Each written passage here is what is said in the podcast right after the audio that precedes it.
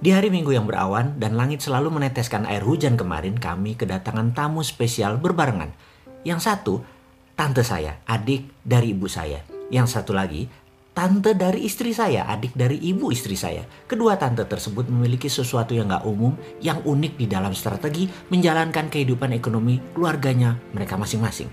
Mengapa saya bilang unik? Begini ceritanya. Saya menceritakan dulu tante dari pihak saya. Dia adalah seorang ibu rumah tangga biasa. Orangnya agak nyeni, mudah bergaul dan cantik. Di masa SMA-nya dia adalah primadona sekolah dan di komplek rumah yang dulu dia pujaan banyak pria di masanya. Pergaulannya luas, bisa dibayangkan gaya hidup wanita cantik seperti tante saya ini bukan?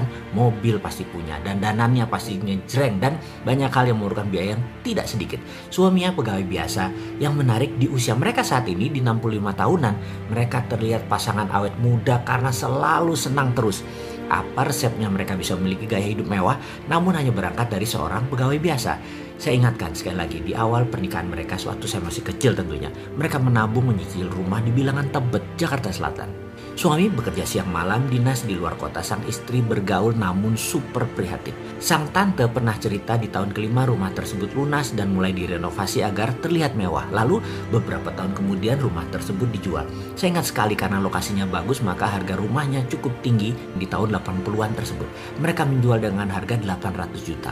Lalu mereka membeli rumah di daerah bilangan Pejaten seharga 400 juta dan sisanya 400 juta di deposito, beli mobil jalan-jalan. Hidup senang selalu mereka itu. Beberapa tahun kemudian di pertengahan tahun 90-an, mereka jual lagi rumah mereka di bilangan pejaten tersebut seharga satu setengah miliar.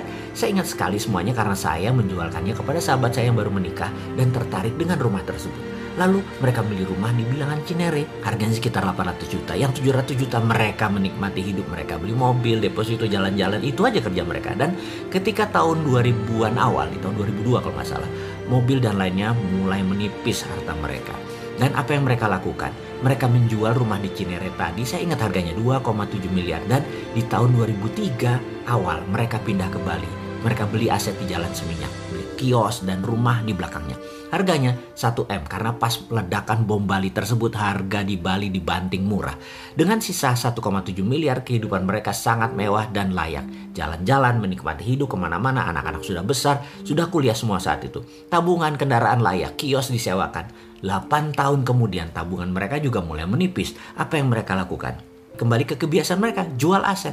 Di tahun 2013 pas boom properti di Indonesia, mereka menjual seluruh aset mereka tersebut di Seminyak dengan angka sangat menakjubkan. Bali memang luar biasa. Saya tidak berani mengatakan atau menulis nilainya. Namun bagi sepasang suami istri pegawai biasa yang ringan menikmati hidup, maka cara mereka berdua menjalani strategi hidup benar-benar gak ada susah-susahnya mereka membeli aset besar di Ubud, dua buah lagi. Dan dari hasil penjualan aset tersebut, mereka juga bisa membangun villa 10 unit. Itu semua dari jualan di aset mereka di Seminyak. Tabungan depositonya jangan tanya. Luar biasa. Saya percaya dengan pola hidup seperti mereka berdua, sampai kapan pun mereka nggak pernah kekurangan.